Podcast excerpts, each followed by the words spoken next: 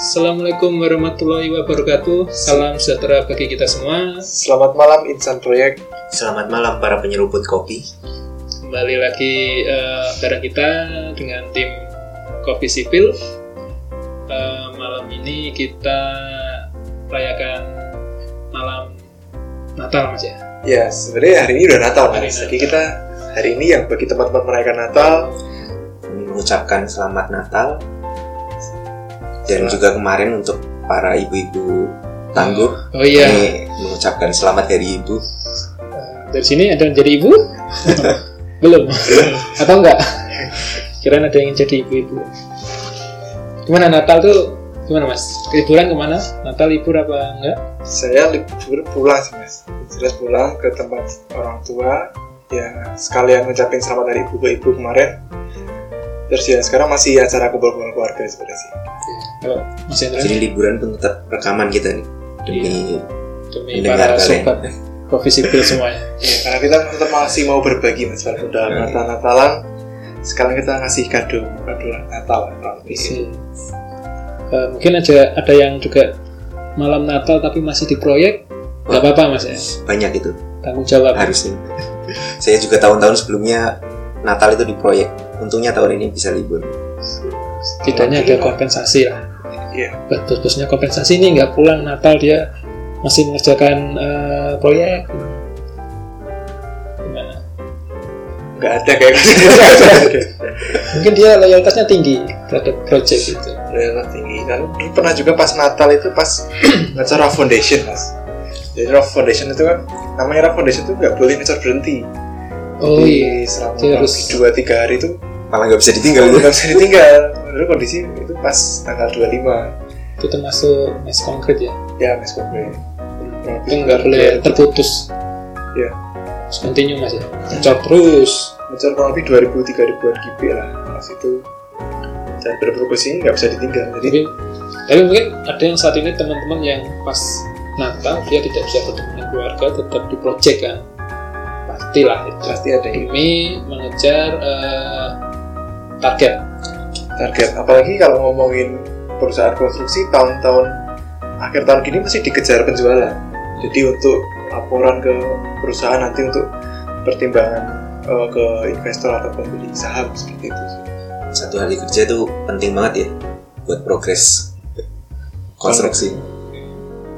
jadi bagi kalian saudara teman-teman yang saat ini sedang merayakan Natal kita ucapkan selamat Natal Natal dan bagi yang masih di project eh, belum bisa berkumpul dengan keluarga eh, semoga dengan kita nggak harus ketemu tapi bisa lewat video call ya Ya, bisa bisa. Sekarang kita kan juga masih masa pandemi nih. Mungkin takutnya kalau maksain pulang nanti malah jadi membawa virus ke menyebarkan virus ya. Pokoknya tetap tetap semangat aja lah buat teman-teman yang tetap jaga protokol kesehatan kita juga di sini menjaga protokol kesehatan kita menggunakan masker Oh, iya. dan Kita ini jaraknya satu meter nih. Ada orang kita teriakan kan nggak mungkin kita berdempet-dempet kita kan cowok nggak normal normal lah oke mas eh, malam ini kita bahas apa sih Ya, ini kan kemarin kita udah bahas macam-macam ya dari manajemen proyek, terus ngomongin soal manajemen konstruksi. Nah, sekarang kita mau ngomongin dikit soal BIM nih. BIM. BIM. Apa sih BIM? Nah, di sini kan ada Mas Sabto yang dia tuh uh, advance di, di bidang BIM. ya mungkin kita sekarang bisa langsung mendengar nih dari salah satu yang sudah berpengalaman di bidang BIM ini. Jadi Mas apa sih BIM itu? oke eh, kalau ngomongin BIM sebelum kita bicara soal lebih lanjut ke BIM kita harus tahu fundamentalnya BIM Wah, apa itu Mas? Eh, sedikitnya sebelumnya saya akan cerita penggambaran sejarah konstruksi engineering di loncatan zaman. Mungkin di tahun 90-an. Nah, di tahun 90-an itu sebelum kita terbiasa menggunakan AutoCAD, kita masih menggunakan manual drawing. Oh saya ngalamin tuh semester Manual satu drawing, doang kan? lebih waktu kuliah. Ya, Oh, ini gambar manual pakai kalkir itu ya? Kalkir, tangan, Oke. freehands. Para para insinyur zaman dulu masih menggunakan teknologi yang namanya Rapido. Iya, itu merek Pak D. Tangan, tangan. Rapid itu merek ya atau nama alat nama alat kalau start nah, Rot nah, itu Mungkin kalau yang mau promosi bisa ya. Boleh ini mungkin kita bisa dapat endorse ya. nah, dari zaman itu kita masih menggunakan manual kan dengan sebuah teknologi alat berupa tangan, yes tangan ciptaan Tuhan. Kita menggambar, situ kan pasti banyak waktu yang dibutuhkan. Dan banyak tim yang bekerja di situ. iya. Baru ketika mungkin tahun eh, mendekati 90-an dan awal 90-an 91 sampai 98 kalau setahu saya saya belum pernah lihat secara bentuknya tapi pernah lihat sekilas. Ada rilis sebelum AutoCAD Autodesk. Baru muncul AutoCAD. Oh jadi sebelum AutoCAD yang biasa kita kenal sehari-hari sekarang itu ada lagi Autodesk sebelumnya? Rilis namanya. Oh, ril- oh ini namanya rilis. Rilis, itu bukan rilis, rilis diterbitkan 98 rilis 99 Oke. itu eh, saya pernah dengar seperti itu. Saya cuma Software untuk menggambar juga tuh. ya sobat menggambar. Mungkin nggak secanggih Autodesk AutoCAD sekarang ya. Iya. AutoCAD sekarang. Jadi pemrogramannya mungkin masih sederhana basic pemrogramannya oke oke. nggak secanggih sekarang tampilannya terus fitur-fitur AutoCAD yang saat ini. Nah di saat itu kan orang harus segera mengupgrade kemampuannya. Pasti. Pasti untuk mencoba ke rilis kemudian ke AutoCAD. Dan di negara kita pada waktu tahun itu mungkin tahun awal 2000-an nggak semua orang bisa AutoCAD. Oke oke. Oke. perjalanan konstruksi kita kan seperti itu.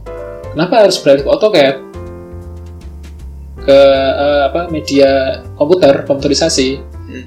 karena ya itu tadi kita lebih ringkas lebih cepat. Terus pengolahan datanya kita lebih cepat. Gambar muncul dihitung oleh QS untuk jadi eh, acuan volume dan segala macam. Itu sampai mungkin sampai beberapa tahun belakangan ini itu metode yang sering kita gunakan. Muncullah namanya drafter dia menggambar soft drawing atau gambar DFD perencanaan terus dihitung oleh orang lain orang QS kan? Muncul volume muncul RAB atau mungkin untuk kebutuhan tender RAPT nah itu dia ada dua person. Drafter sendiri QS sendiri. Ibaratnya seperti itu kan? Nah, ketika di project mungkin bisa terjadi miskomunikasi atau human error software yang diciptakan oleh drafter mungkin tidak terdelivery dengan baik oleh seorang QS mungkin terjadi hal seperti itu. Maka di loncatan di zaman sekarang itu mencoba diminimalisir minimalisir kesalahan-kesalahan tersebut. Nah, muncullah BIM Oh, BIM sebenarnya juga udah pernah lihat eh, itu katanya udah lama. Bahasa-bahasa itu sebenarnya udah lama. Mungkin mungkin ada perusahaan yang sudah me- lebih mengompetisikan itu untuk lebih dite- lebih dimaksimal gali lagi baru sekarang ini. Mungkin di tahun tiga tahun empat tahun terakhir ini. Nah sedangkan BIM itu kalau secara bahasa building information modeling. Nanti dari sebuah modeling kita bisa mendapat informasi-informasi yang kita butuhkan. Baik berupa eh, volume yang pada umumnya volume, material, analisis segala macam yang kita bisa gunakan untuk output berikutnya. Oke, tadi kan eh, ngomongin soal perhitungan volume ya. Jadi antara si drafter dan QS ini kadang-kadang ada miss gitu ya. Miss, Mungkin cara gambarnya bunyinya apa, tapi eh, QS punya interpretasi yang lain gitu.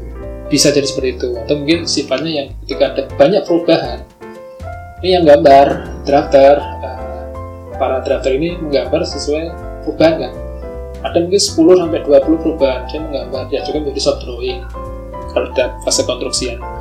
Mungkin tidak terderivaksi dengan baik bagi GIS cuman dia hitungannya cuma 15 gambar yang dia rubah yang dia hitung. Oh, pernah saya mas. pernah jadi gitu kan? Jadi tidak dihitung. Modelnya ini kita udah mengajukan gambar soft drawing di ACC. Nah dari itu kita sudah ngitung volumenya nih, Hmm. ngitung volume dia sampai ke logistik, beli barang misalnya kelapa itu saniter sejumlah itu. Sudah gambar soft drawing ternyata masih ada revisi lagi. revisi. Nah proses revisi ini juga gambarnya berubah desain ganti wah itu semakin panjang lagi. Panjang lagi. Kalau cuma R0 ke R1 nggak apa mungkin Bisa. dari satu item pekerjaan RFI satu item RFI mungkin nggak cuma sampai R1 mungkin R3 ke R4 itu cuma satu RFI gimana kalau ada 20 surat RFI bakal susah trackingnya susah sih trackingnya. Iya.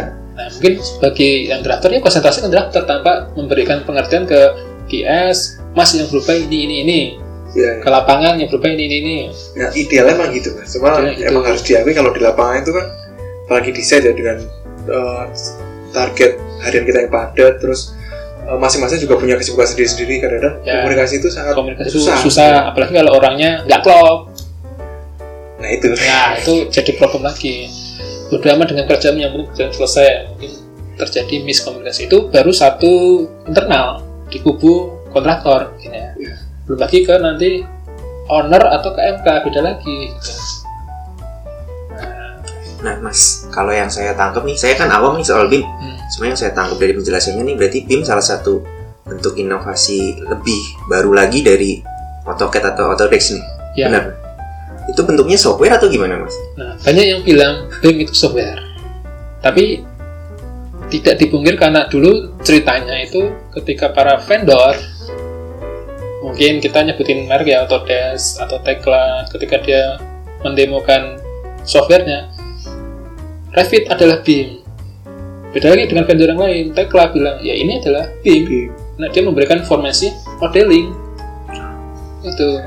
Jadi banyak software-software di sana itu yang ada kelebihan dan ada kekurangan lah. Setiap software itu ada kelebihan dan kekurangan. Untuk untuk basic pemodelingan. Nah di di tingkatnya modeling itu kalau dulu kita masih pakai 2D 2D struktur kita in, dengan arsitek terus lagi dengan ME ME. plumbing. Itu kalau yang bukan orang tek- teknikan dia nggak akan ngerti. Tapi dengan bentuk visualisasi tiga dimensi kita langsung nangkap dengan satu bahasa yang sama. Oh ternyata setelah kita satukan terjadi ketidaksinambungan antara struktur dengan ME misalnya entah itu bahasanya clash. Ternyata jalur pipa terkena dengan balok. Nah sebelum dilaksanakan di lapangan kita sudah mendeteksi hal-hal tersebut sedini mungkin. Ketika tahap diskusi atau tahap perencanaan oh jadi salah satunya itu ya pertimbangan eh, ketidaksesuaian antara gambar struktur dan gambar yang lain gitu ya. lain gitu Ini saya juga baru ngeh tuh. Ketika kenapa kita harus dulu pakai kertas kalkil? Itu kan biar kalau ditumpuk tuh kelihatan nih gambar atas gambar struktur bawah arsitek. gitu. Ya, tapi tidak Kelihatan. ketika untuk bikin potongan atau bikin Ah, iya. tampaknya itu kan butuh effort usaha lagi. Itu kalau cuma satu kali revisi nggak apa-apa, tapi kalau udah banyak perubahan dia nggak ngeling terhadap gambar yang lain.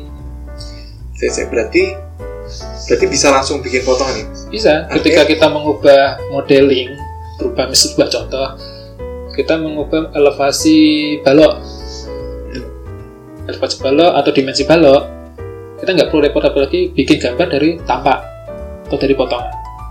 Kita tinggal ada fitur section, kita udah langsung oh muncul seperti ini tampaknya. Oh jadi yang aku tangkap tuh ini dia ketika kita ngomongin kita gambar balok lah, kita gambar balok itu bukan kita menggambar balok tapi kita memodelkan balok di situ. Memodelkan balok di situ. Jadi itu si balok mau kita potong section atau mau kita potong section yang lain juga dari tampak samping Tampak- kiri yang atau lain. tampak depan, nah, tetap dia adalah yaitu dia adalah eh, komponen balok gitu ya. komponen balok. Oh, karena kita menginput data bukan memo- menggambar modelingnya input semisal desain awal balok ukuran 30-70 Hmm. semua lantai ketika kita cuma meng- menginput saja oh, berarti kita bentuknya tuh menginput data ya, Menginput bukan data. bukan seperti mengedit gambar 3D-nya atau gambar misalnya kita mengedit gambar di denah itu akan otomatis teredit juga di teredit juga tampak. ditambah Oh, tampak itu bisa. ya, otomatis karena itu bentuk modeling mas modeling jadi gambaran saya kalau lebih ke sederhananya kalau dulu ada film Iron Man yang dia men-scan sebuah bangunan yang sudah jadi menjadi data terus dia bisa masuk-masuk ke eh, ruangannya itu kan dari bangunan udah jadi. Ya, menjadi data berupa 3D terus dia bisa masuk ke dalamnya kita balik kita udah punya data dulu kita bisa mengetahui segmen apa wah, bentuk modelnya seperti apa dan situ fasilitas apa aja baru kita bisa kerjakan tanpa ada kesalahan dan keliruan di lapangan menarik It- itu gambaran sederhana BIM itu seperti itu perkara tadi pertanyaannya adalah BIM apakah BIM software Hmm. sebenarnya bukan ke arah softwarenya ya maksudnya. software. tapi lebih ke ini adalah suatu sistem lah ya mungkin cuma sistem. ya lebih lebih banyak orang mengenal sistem atau metode cara oke oke atau sebuah contoh mungkin kadang dalam pekerjaan di lapangan ketika kita bikin shop drawing untuk survei orang sudah kalau ngerjain kan per lantai ya ngambil as eh, ke ujung end slabnya mungkin satu meter ke atas satu meter ke atas satu meter terus. Nah ketika di load gambar artinya ketika disetting di gambar seorang BIM modeler dia bisa mendeteksi ini harusnya nggak satu meter harusnya mundur karena ketemu fasad oh karena dia udah melihat gambar untuk uh, Arsiteknya, fasad ya arsitek fasad gitu ya? Jadi udah, udah jadi duluan gitu. Meminimalis, meminimalis kesalahan seperti itu. Sehingga tidak ada kerja, meminimalis kesalahan eh, bobo atau cor plat lagi. Kalau Nah. cuma tiga lantai empat lantai nggak apa-apa. Tapi kalau tiga puluh lantai hal seperti itu kita udah mendeteksi dari awal. Atau mungkin pipa-pipa pengerjaan pipa itu sering kejadian mas sering proyek. kejadian ya nabrak si pipa nabrak balok Ya, jadi kita bisa diskusikan dengan para stakeholder, baik dari owner atau dari MK ataupun perencana, kita bisa dengan satu model yang sama. Oke mas. Mungkin itu berarti bentuknya lebih ke modeling yang sudah Modeling gambar. terimplementasi di software-software sekarang ya. Ya, eh, kalau tiap software ada yang lebih kekurangan. Mungkin kalau Revit itu cenderung kita ke lebih bangunan high rise. Oh, Tekla mungkin lebih ke penulangan, detail-detail pembesian. ada itu mas kayak pernah dengar gelodon gelodon TRP apa ya Ya, TRB, TAS, TME. TRB lebih ke rebar, Ribar itu berarti penulangan penulangan. TAS, ke arsitek, struktural. Terus TME, mechanical MP, tapi itu produknya. Gelodon. Autodesk punya Revit. tadi Eh, timbal company timbal company ya Backline.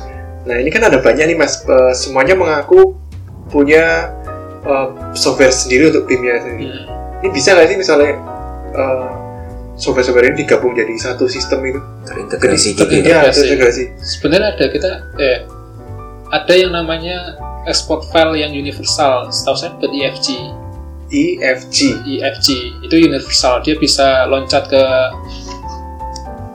produk-produk lain Oh, gitu nah tapi kalau tadi kita ngomongin BIM itu ada tahapannya dari dari 3D ke 4D 5D 6D sampai 7D wah ini Apa ini, ya?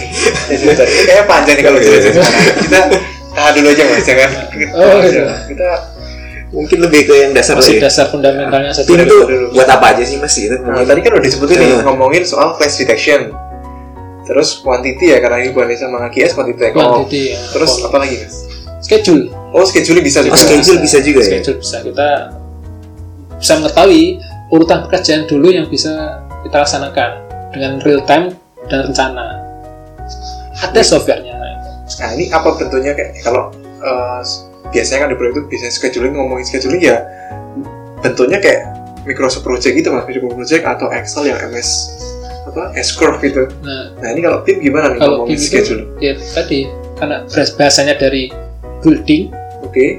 building Hmm. information modeling terintegrasi dengan waktu jadi ada model ada waktu itu namanya 4D 4D ada 3D ada waktu dilingkan menjadi 4D For, di ada waktu berarti nanti si, si model ini model ini dimasukkan waktu ya. dia tahapannya menjadi 4D 4D berarti nanti bisa kelihatan nih eh, sekuensinya apa sih dipasang. Misalnya ada satu terus kolom. Ya rantai satu kolom balok Plat. plat yang terintegrate dengan waktu oh, balok oke, ini oke. kapan harus jadi Oh, berarti nah ini kalau di situ ada keterangan misalnya lantai 2 harus tang- jadi tanggal 26 nih besok. ya Tapi real di lapangan kita ternyata baru plat tanggal 1. nah Oh, berarti kelihatan nih ada- proyek bakal terlambat terlambatan. Oke. dan itu menarik. bagi mungkin owner atau yang nggak ngerti kebasikan teknik ngerti Wah, ini. Oh ini ada keterlambatan dan bisa didiskusikan kenapa terlambat? Itu Oke, untuk didiskusikan di awal-awal sekarang bukan nanti ketika akhir. Owner udah kok saya udah masalah terima ke tenan tapi kontraknya belum jadi kenapa jangan sampai terjadi di akhir-akhir project. Makanya Berarti- kita mendeteksi dari awal dulu. Schedule-nya apa? Kayak ini ya jadi early warning gitu ya jadi Ya. sebelum ini jadi jadi bocor ke depan ya kan. Kita udah sekarang tahu dulu nih. tahu dulu kenapa terlambatnya masuk masuk masuk. Setidaknya secara visual terintegrate dengan modelnya. Kalau biasanya kita lihat eh, apa Microsoft Project atau Iya. Curva S itu kan hanya berupa tulisan dan apa ya barbar waktu aja kan. Karena waktu karena kalau eh, project itu juga kadang-kadang ngomongin progres atau bobot pekerjaan nah ketika dilingkan dengan model di apa namanya disimulasikan setidaknya kita tahu gitu, progres untuk saat ini tuh harus harus sudah jadi di section berapa atau di zona berapa atau di lantai berapa. Hmm, oke oke. Itu bahasa DB namanya 4D oh, dia jadi 4D di tahapnya atasnya 4D ada lagi ada yang mau tanyakan ke 4D nya itu apa? Kalau softwarenya seta- setahu saya ada banyak sih cuman saya lebih seringnya pakai Navis itu produknya dari Autodesk kalau untuk 3D tadi Revit ketika ngomongin 4D berhubungan dengan schedule Navis kompetitornya Autodesk mungkin ada setahu saya Synpro. Mungkin ada teman yang lebih mengerti bisa komen sih. Boleh boleh kalau kita kan kiblatnya saat ini banyak kan Autodesk ya? Ya, Autodesk mungkin karena pasarannya di Indonesia lebih orang cenderung Autodesk Nah itu berarti tadi 4D itu karena ketambahan waktu sehingga bisa untuk scheduling ya. scheduling jadi kita tahu ini harus kerja kapan ini tahapnya apa apa kan bisa Eh, bisa juga dimasukin alat oh alat Alat, alat, ya. TC gitu ya? TC harus mulai masuk TC TC itu selesai apa itu bisa. Nah, ini penting karena kan kalau ngomongin alat itu kan memang salah satu komponen biaya yang cukup gede ya terutama TC itu ya bisa per bulannya bisa 100 jutaan terus tambah nanti dia harus punya genset. Ya. Genset yang Bisa itu. listrik PLN genset ada akinya sesuai dengan schedule yang ada di item itu pekerjaannya itu apa aja. Pasang TC berarti kita bisa modelkan TC oke. Dia dari bulan apa harus masuk bulan apa dia kalau dibongkar apa namanya? Dem- demolition bukan ya demolis eh demolis. Kalau erection pasang. Pasang. kalau dilepas diturunkan nah itu harus kita bisa mendeteksi di schedule 4D di Oke oke. Nah ini kalau ngomongin scheduling gitu mas, misalnya ini kan dia bisa memodelkan dari awal sampai selesai mas, ya kan? Nah tapi apakah eh, si model scheduling ini cuma dikonsumsi oleh si kontraktor? Karena kan ini ngomongin bisa Oh, dipakai iya. untuk sama-sama pengawasan nih MK, MK juga mantau, orang juga mantau. Nah, apakah ini cuma dipakai kontraktor? sebenarnya bisa dipakai semua mas pakai semua. Kan urut ini kan kenapa BIM yang hanya membuat itu kenapa kontraktor? Saat ini yang saya tahu pasti kontraktor yang mengimplementasikan BIM dari owner pun kadang nggak nggak dia antusiasme ada tapi SDM-nya nggak ada. Dari konsultan dan MK masih belum masih belajar juga. Atau ya, kalau mungkin juga karena dari ini ya. Mungkin kalau dari saya dengar tadi berarti itu dapat menjadwalkan seperti detail ya dari kayak alatnya. ya bisa didetailkan Nah, tergantung mungkin kan jadwal schedule itu mas. Mungkin banyak kontraktor yang pakai karena butuh pendetailan se- sampai sejauh itu kali ya. Dari alat-alatnya dari olah dan model. dan model apa metodenya mungkin metodenya sebenarnya. ya. metode dan ke arah metode. kalau dari owner mungkin kan lebih untuk schedule mereka lebih ber- perhatiannya hari ini harus sudah apa saja yang terpasang Ya. jadi mungkin owner kenapa kok terlambat gitu kan Nah, iya. simpel kan jadi mungkin banyak yang belum pakai BIM mungkin karena tapi setidaknya Gitu ya. bagi owner visual dia dapat oh, ya kan mas nggak Iya, cuma iya. grafik-grafik kenapa harus S kenapa nggak kurva S itu harusnya kurva Z atau U atau T Atau kurva Nah. ular itu ya mata di ujung hanya orang teknik aja mengetahui alasan itu iya iya. Tapi sebenarnya bagi orang awam owner-owner awam dia bacanya mudah. Oh bulan ini setidaknya aku sudah dapat lantai ini kenapa nah di situ seandainya kata yang kontraktor ini nakal ya dia schedule-nya di, bisa aja dilambat-lambatin tapi aktualnya dibagus-bagusin. Kan permainan data tapi semoga kontraktor nggak seperti itu. Dia benar-benar implementasinya benar-benar real. Nah situ perlu tiap lini itu juga harus ngerti.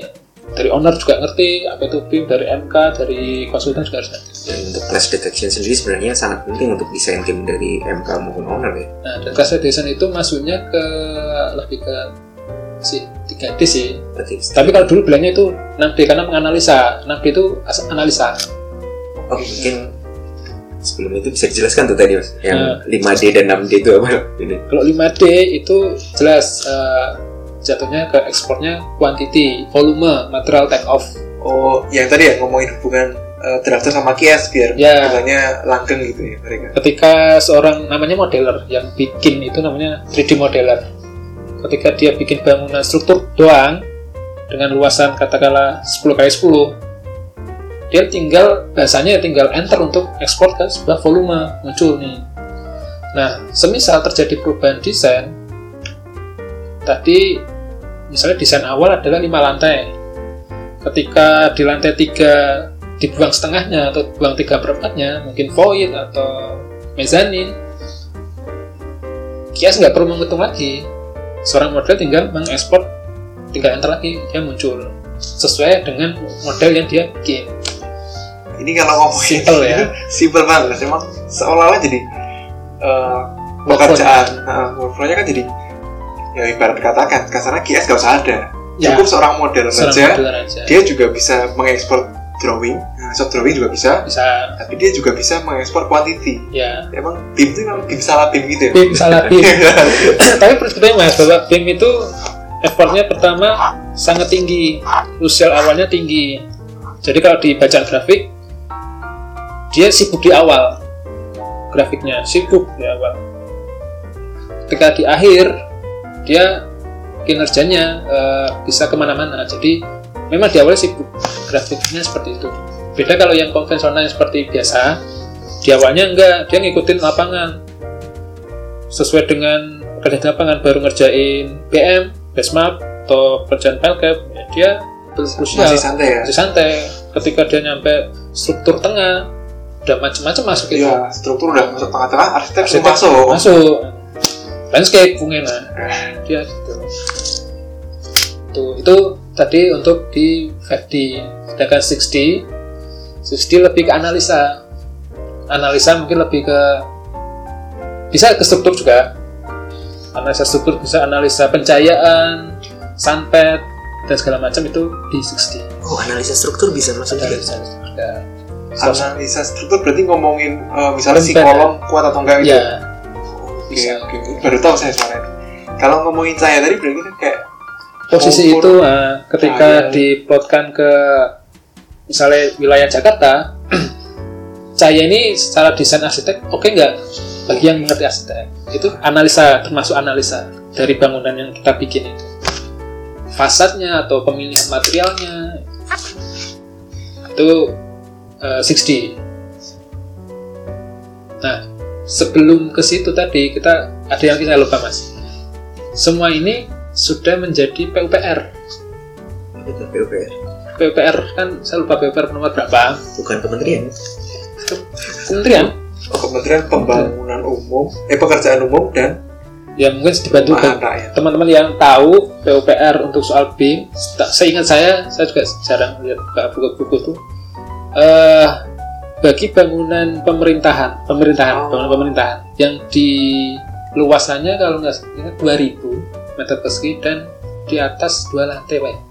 sudah harus mandatori menggunakan BIM Oke, oke. maka para kontraktor-kontraktor itu demi memenangkan sebuah tender marketingnya harus menjalankan BIM sama ketika zaman dulu mungkin di tahun 90-an atau tahun 2000-an eh, kontraktor yang belum memakai software CAD misalnya ya nggak akan dikasih tender Jadi emang pemerintah tuh pelan-pelan gini ya, mentransformasikan uh, sistem pekerjaan ya. ya Dari yang gambar konvensional masuk ke AutoCAD. AutoCAD. Itu pun ada proses dan tak kutip pemaksaan Masa- pemerintah ya. Jadi itu lebih advance lagi, kerja lebih optimal lagi. Gitu. Nah, karena kan mungkin ya gak tahu itu bahasanya mungkin ke ranah politik mungkin agar data-data itu bisa berupa apa ya data yang bisa digunakan untuk seterusnya loh. Oke, oke. mungkin data itu bisa akurat kalau mungkin kertas zaman dulu mungkin kertas hilang bisa hangus Nah, tapi kalau data seterusnya bisa tersimpan Ya, jadi ketika ada audit bisa dari bisa dicari ambil di datanya cloud atau di disk gitu. disk. tidak bisa sengaja dibakar gitu Karena kan kalau proyek pemerintah itu kan garasinya 10 tahun, 15 tahun. Apalagi kalau proyek jembatan bisa 50 tahun. tapi memang kalau fungsinya sejauh itu saya tertarik sih itu memang perlu sepertinya perlu diimplementasikan Nah, implementasinya, kalau penilaian saya, implementasinya di negara kita baru sebatas 3, 4, 5D. Untuk sampai 6, 7 itu masih eh, masih nggak terlalu semua kontraktor itu menerapkan. Mungkin ada kontraktor yang sudah sampai 7D secara marketing.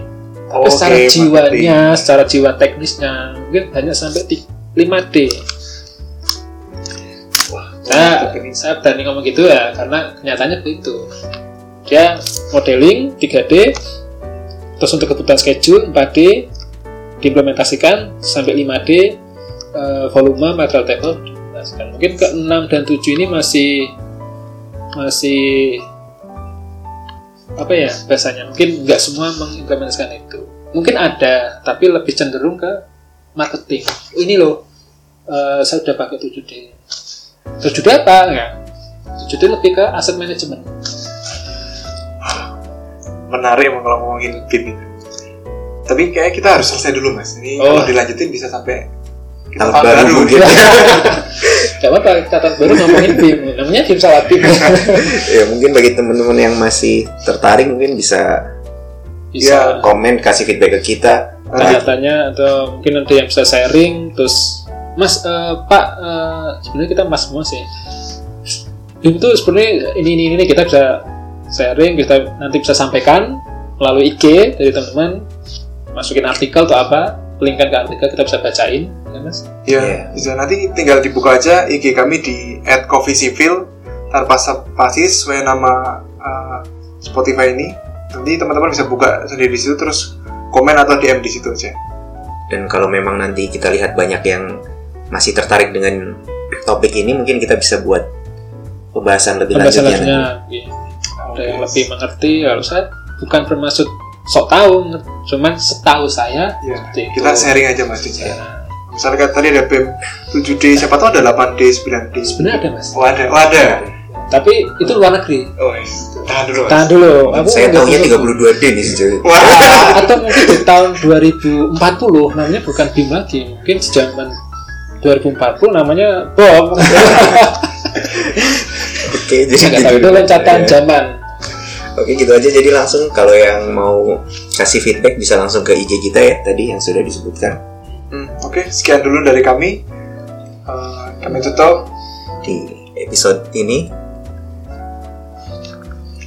BIM salah BIM jadi apa? Building Information Modeling. Modeling Waalaikumsalam warahmatullahi wabarakatuh